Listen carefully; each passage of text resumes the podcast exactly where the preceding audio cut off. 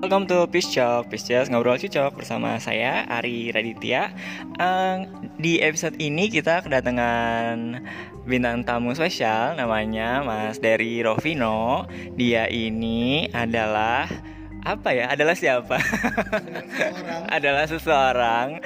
Uh, aduh banyak banget deh achievementnya ya Bu. Kalau di list satu-satu itu bisa uh, apa ya kayak jalan tol gitu. Lagi macet yang yang berjejer gitu. Udah pernah exchange ke Amerika juga. Dia granted S2-nya juga dari salah satu uh, beasiswa ternama di Indonesia. Uh, di mana kak? Uh, S2-nya UCL ya? S2-nya di UCL City University of London? No it's eh terbalik ya? Beda University lagi ya? College London. University College London Oh, um, okay. Central London itu saya di situ S2-nya tapi untuk schoolnya disebutnya dengan uh, Institute of Education.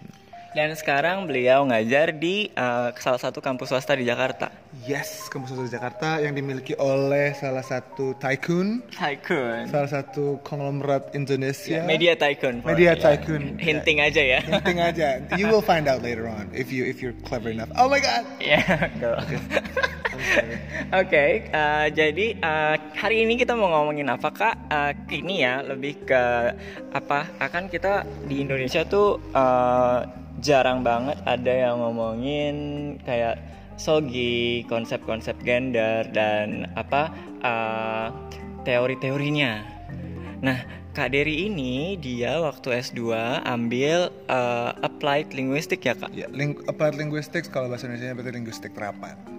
Ha-ha, dan dan topik judul bukan topik ya judul tesisnya adalah uh, gender performative on Tinder ya kak On Tinder dating app. So it's the the official title was uh, "Swipe Me Off My Feet." Uh, the the discourse of gender performance on Tinder dating app. It's a very juicy I know, title, right?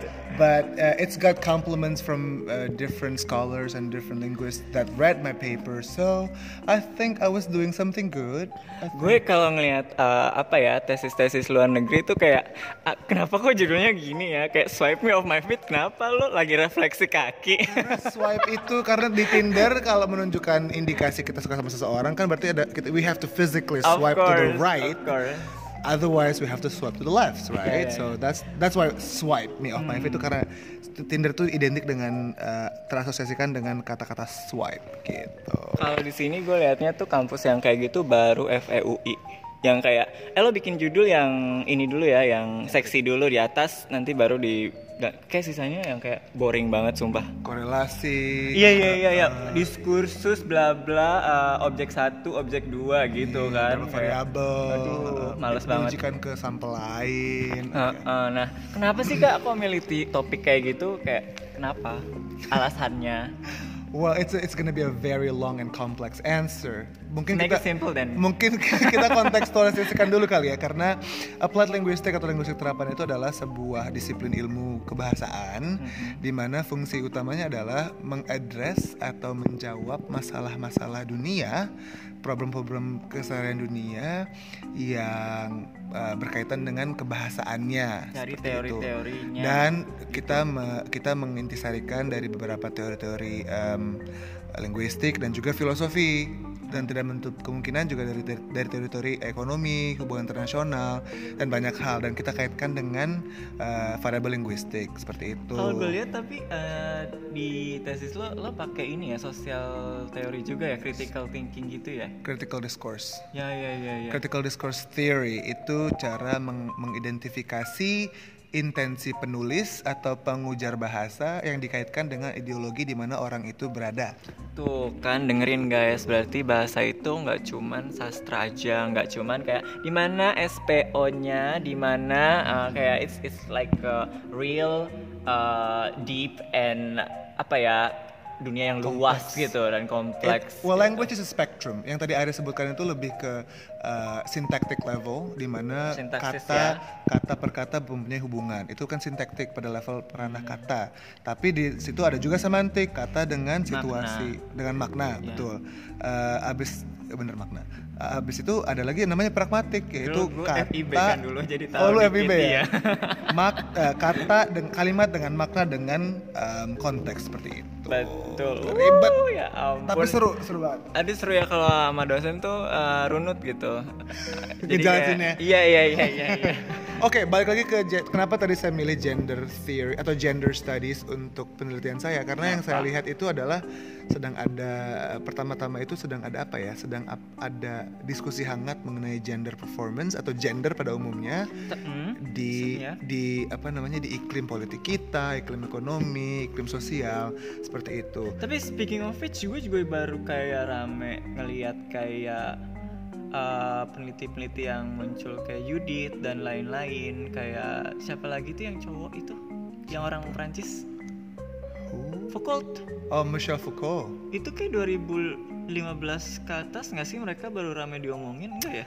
Um, I don't think so. I think Foucault has been a, kayaknya Foucault tuh udah kayak lumayan prominent sebagai filsuf dari udah lama kayak 1970-an kali ya. Hmm, Um, um, dia udah ngetop sih dari Iya zaman sih, iya segitu. sih, benar-benar. Tapi Foucault itu I don't Foucault talks about gender a little bit, but I think he apa ya?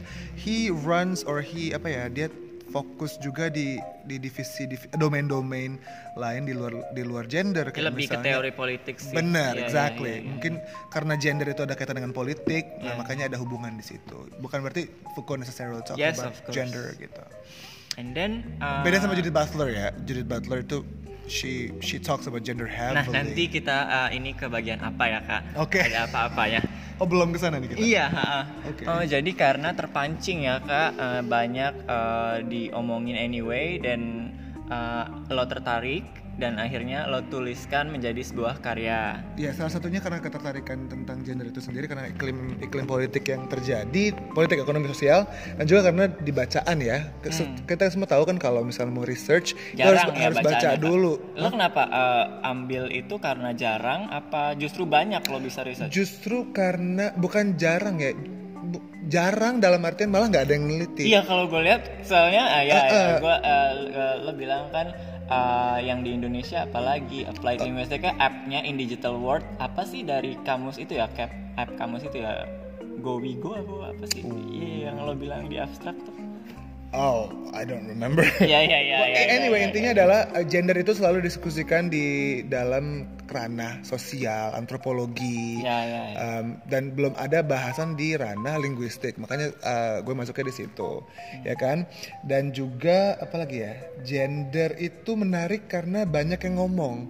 Maksudnya banyak yang punya pendapat, gitu. Jadi banyak orang dengan pendapatnya dan teorinya masing-masing dan dia mengkonsumsikan gender itu sendiri. Ada yang bilang gender itu biologically deterministic, ada yang bilang gender itu uh, pengaruh dari luar, ada yang bilang gender itu uh, epigenetis, ada yang bilang gender itu malah performatif. Jadi yang mana nih ya? Nah makanya Mana nih ya? saat ka- makanya karena itulah gue gue bertiba pada sebuah konklusi bahwa oh ternyata gender itu pendapat gender itu what people say about gender is gender. Jadi di sini gue nggak mencoba untuk menihilkan Betul. menegasi atau menihilkan bahwa gender itu performatif semua overall. Tapi ada ada juga uh, teori-teori lain yang membuktikan bahwa gender itu um, uh, beyond atau paralel dengan performatif. Ya, Karena kalau misalnya dari gue lihat sendiri ya kenapa asik uh, berenang di topik gender kalau gue ya Hmm, topiknya tuh kasusnya kebanyakan personal. Hmm, So everyone ya kayak lo bilang tadi everyone can actually talk about it karena Iya. case-case-nya itu mikro banget. betul betul case by case ya. Ya ya gitu. Orang gender is a, is a human experience. and Yes, human, of- human of experience course. itu subjektif dan in core dari applied linguistic adalah subjectivity.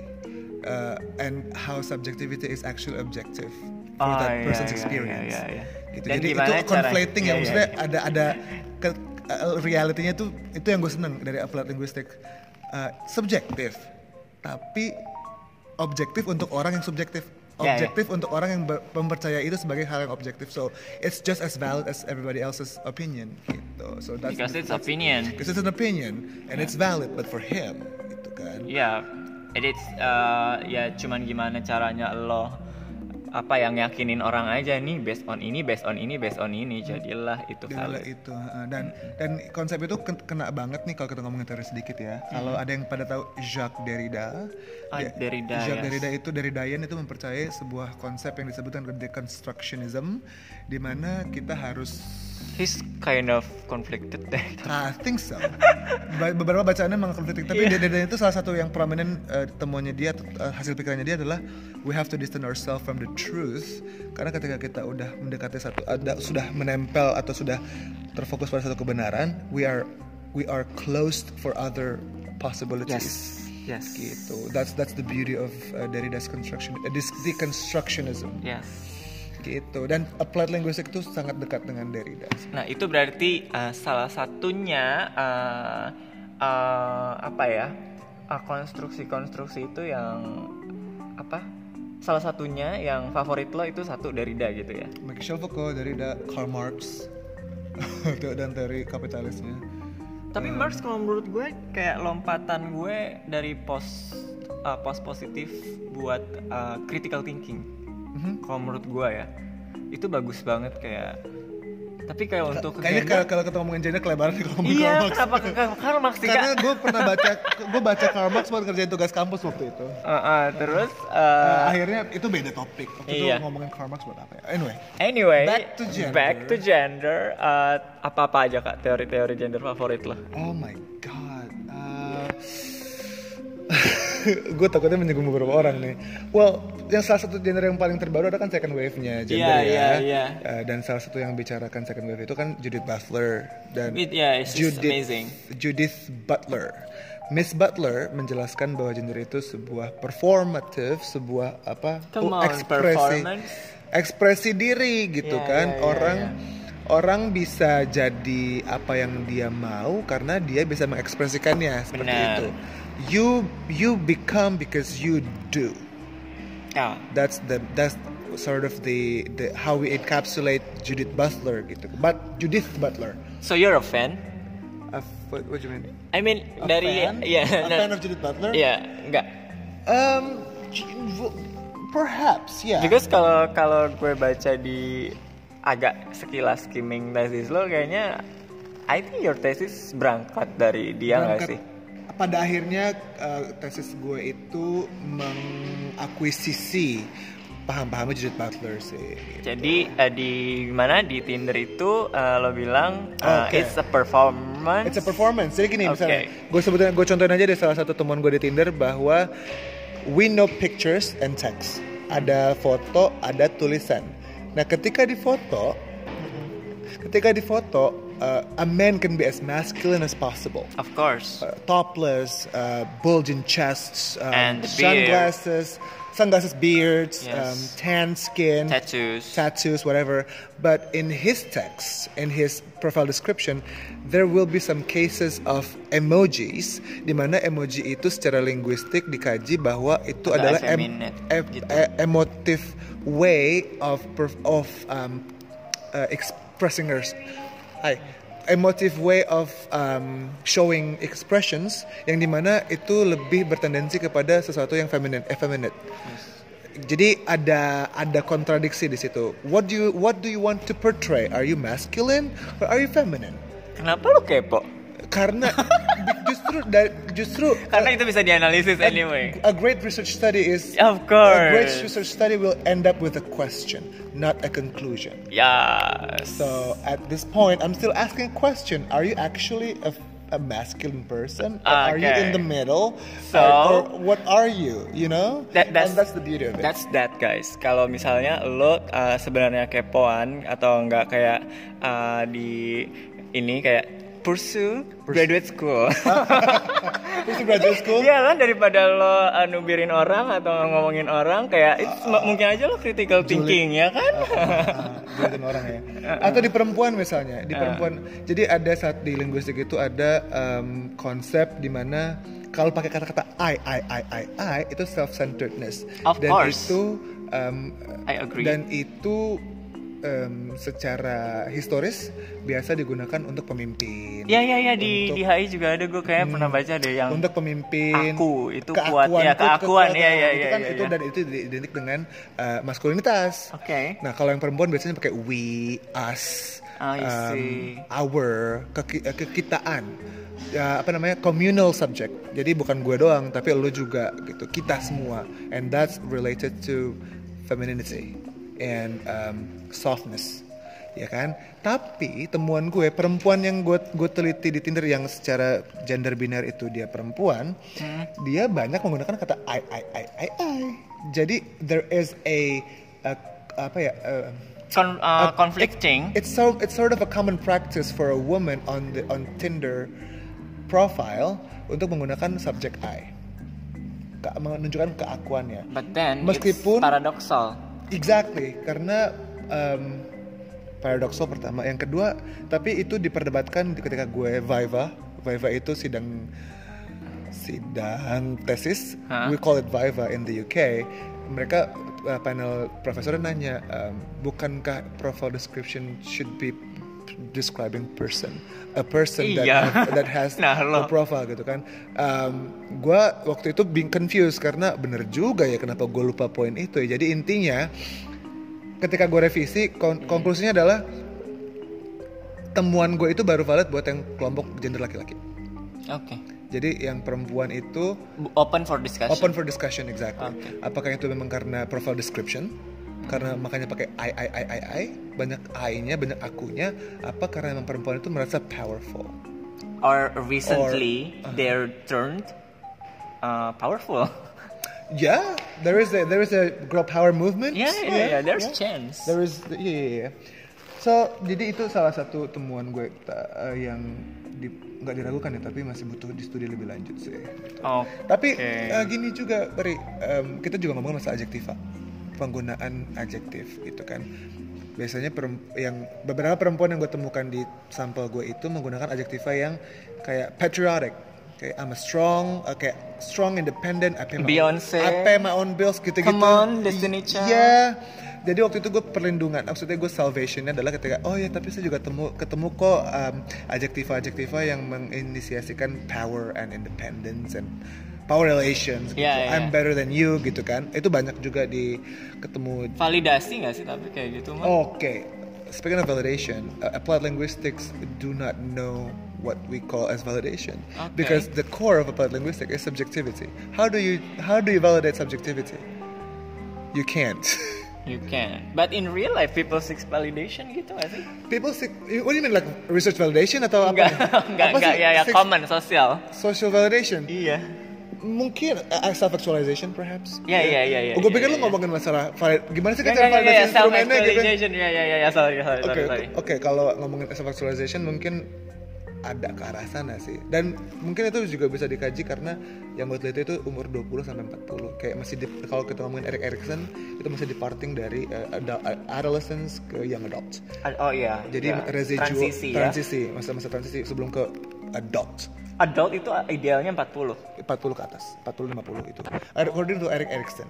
Oke. Kalau Sigmund Freud beda lagi. Ini kok ngomongin Itu eh, itu itu itu pos-pos apa pos positivis eh, God semua nggak sih? I think so. Iya. Post positifis semua karena me- me- menjauhkan kita dari lu kalau udah umur segini harus bisa begini, lu udah kalau umur segitu harus bisa gitu. Nah itu menjauhkan dari sana. Yes. Anyway, jadi yang adult itu masih transisi. Jadi karena yang gue itu ada yang umur kelompok umur segitu, jadi ada keakuannya masih tinggi. Masih ada residual traits of adolescence yang dia yang kebawa ke young adults. Tapi gue nggak bahas itu sih. Itu cuman kayak trivial observation. Oke. I think uh, other butler, other than butler, siapa lagi? Oh my god. Menurut lo? Dari yang first gen ada nggak? I don't think so. I don't think so too. I don't think so. Uh, gue malah lebih lebih concern karena gini penelitian gue itu kan lebih ke concern apa ya? Lebih meneliti sistem ya maksudnya. Sistem. Sistem. Kalau gender secara habluminanasnya, secara lateral, secara lateral, maksudnya secara sosial kan butler tuh sosial banget kan. Maksudnya lateral gitu loh manusia. Senternya manusia, tapi yang gue baca tuh kebanyakan yang ngomongin sistem gitu, kayak Michel Foucault, Jacques Derrida, eh siapa lagi sih yang ngomongin Eh, Oh, Boleh kali ya ngomongin Foucault? apa yang mau diomongin dari dia? boleh sih, gue nggak tahu banyak sih, cuma boleh. Karena Terbatas anak-anak sosiologi itu kebanyakan kebuka pintu gender. I mean di social science ya, anak sosiologi, anak antrop, kayaknya banyak yang kebuka pintu ke eh ke tertarik ke gender tuh dari Foucault justru. Kalau gue lihat ya fenomenanya. Kalau di kampus gue ya, yang apa tuh History of Sex and ya sampai bikin dua Sister series kan? Sex, yeah, I bikin that. dua series Oh, kan? yeah, Iya, yeah, that's yeah. you. That's, But- that's that's hard to read. Ya ya, but That's window really opening girl. You mean eye opening? Oh ya, eye opening ya. You can open the window. you can open you can open the window. Ya, eye It's opening. eye opening ya. Yes, eye opening. Um, Foucault itu yang gue baca tentang Foucault itu lebih ke sistem ya sih. Gue bahas gender waktu itu bahas gender pakai Butler, bahas sistem pakai Foucault. Jadi Foucault Hmm. itu uh, teori agent agentis agent agency agency theory um, yang di mana uh, ada agen-agen uh, sosial Hmm, yang membantu membuat sistem. Jadi kayak bottom up way. Um, jadi sistem itu nggak diturunkan dari you punya institusi. Jadi insti- inti- institusi organisasi pun kan dari organ-organ kan. Iya. Nah, jadi itu yang dibilang sama si uh, Foucault mengenai terbentuknya ideologi itu karena ada organ-organ ini gitu. Lebih ke sana sih. Dan gue juga bahas di I think in my thesis bahwa um, ada kemungkinan bahwa gender itu uh, paham gender itu bukan ada kemungkinan malah memang menurut But- Butler ya karena gender itu adalah personal experience agen agen agen agen agen makanya ada movement gitu jadi makanya Dan uh, ada dikotomisasi dikotomisasi gitu? Enggak. Itu ke situ enggak sih? enggak ya? gue nggak ke arah sana sih dikotomi itu berarti ngomongin Iya, gender yang derive iya. iya kalau dikotomi itu berarti ngomongin gender yang derive dari uh, sexual not sexual biological Ya oke, ya ya endowments. ya yang tadi lo bilang pedantic and Aha. environment based kayak Right. ya gitu ya. epigenetic Eh, epigenetik ya. Kok pedantic tuh apa ya? Salah. salah banget gue ngomong nggak salah-salah. Epigenetic Epigenetik. epigenetic itu ya kepanjangan kalau dijelasin epigenetik itu kayaknya tapi eh, gen satu gender teori kayak gitu-gitu nggak sih kayak as it is eh, kebanyakan yang kayak eh, isu-isunya kan masih yang kayak wage gap and voting rights Ya. and like eh, karena gen gen yang ini gue emang nggak tahu banyak tentang generasi karena gue nggak baca banyak buku Hmm. mengenai sek- first wave ya Em, karena dia karena gen generasi satu itu hadir di masa depression masih I see. perang Iya, benar banget, benar masih banget. masih apa namanya masih em, inequality Of terus juga course. World War One come on right nah itu makanya mungkin bahasan gender gak dalam karena yang dipikirin ya dan mereka harus main live. aman juga ya Yeah, how to mereka harus live. main aman karena they need order right dan at that moment it was disorder so I think it's safer for them to have an organization Yeah. An order women should do this men should do that. Men stay at, uh, women stay at home men go to war. And the but the British I think they love the first generation feminism. For first wave. Iya first wave. Kayak banyak politician yang kayak menurut gue isunya yang diangkat kayak uh, siapa tuh yang nenek-nenek? who? Margaret Thatcher? No. Gue baru inget Anne Whitcomb namanya. what the fuck is that Jadi dia itu uh, dia bawa-bawa ba- dia uh, menurut gue jadi politisi sukses itu karena bawa uh, isu-isu uh, core equality sebenarnya. Tapi dia percaya kalau woman itu juga harus ngurus di rumah. hmm. Jadi kayak lo nggak apa-apa kerja, tapi lo ngurus kerja juga dan iya lo harus tetap tradisional. Dan dia nggak percaya, iya dia nggak percaya sama uh, LGBT right. oh what do you want Nah, eh itu ya udah ya itu uh, intermezzo doang. Masuk. tapi ini berat banget loh. Hmm. Eh, I think this topic has been really heavy Of course, itu is a heavy, I hope your, topic. your listener doesn't mind. Hmm. Um, tapi ya itu, gue nggak begitu banyak baca tentang first wave karena memang masih blurry, masih main safe. Of course, dan yang dan yang menarik juga kalau menurut gue eh, ahli-ahli teori gender ini eh, sebenarnya mereka orang-orang yang unik juga gak sih? Mhm, Dia melihat dinamika masyarakat yang niche, yang yang nggak biasa dibahas jadi dibahas gitu kan. Benar. Right? Well, uh, world problems doesn't limit themselves with only war Of course, politics of course. Oke, livelihood setiap hari-hari juga itu kan juga world problems and I- kenapa gue makanya gue nulis hal ini karena gue nulis gender karena I see this as a, I see I see this as a world problem too. No, me too. I mean, uh, studi gue itu kan masyarakat transnasional. Jadi gue ngomongin topik-topik yang kayak receh gitu loh. Gue gue walaupun HI gue nggak uh, certified war theories jadinya. Karena kebanyakan kan uh, yang di kampus negeri tuh lo cuma ngomongin senjata sama Perang. per eh, uh, senjata sama uh, apa sih itu kerjasama ekonomi internasional. Bilateral Mm-mm. economic. Jadi kayak apa pengaruh lo, apa power lo kalau nggak kayak uh, power gitu, power as it is gitu. Tapi kalau menurut gue uh, uh, di saat membahas satu isu HI yang kayak budaya yang kayak gini-gini tuh mau nggak mau kita harus, Harus tahu juga, juga. benar.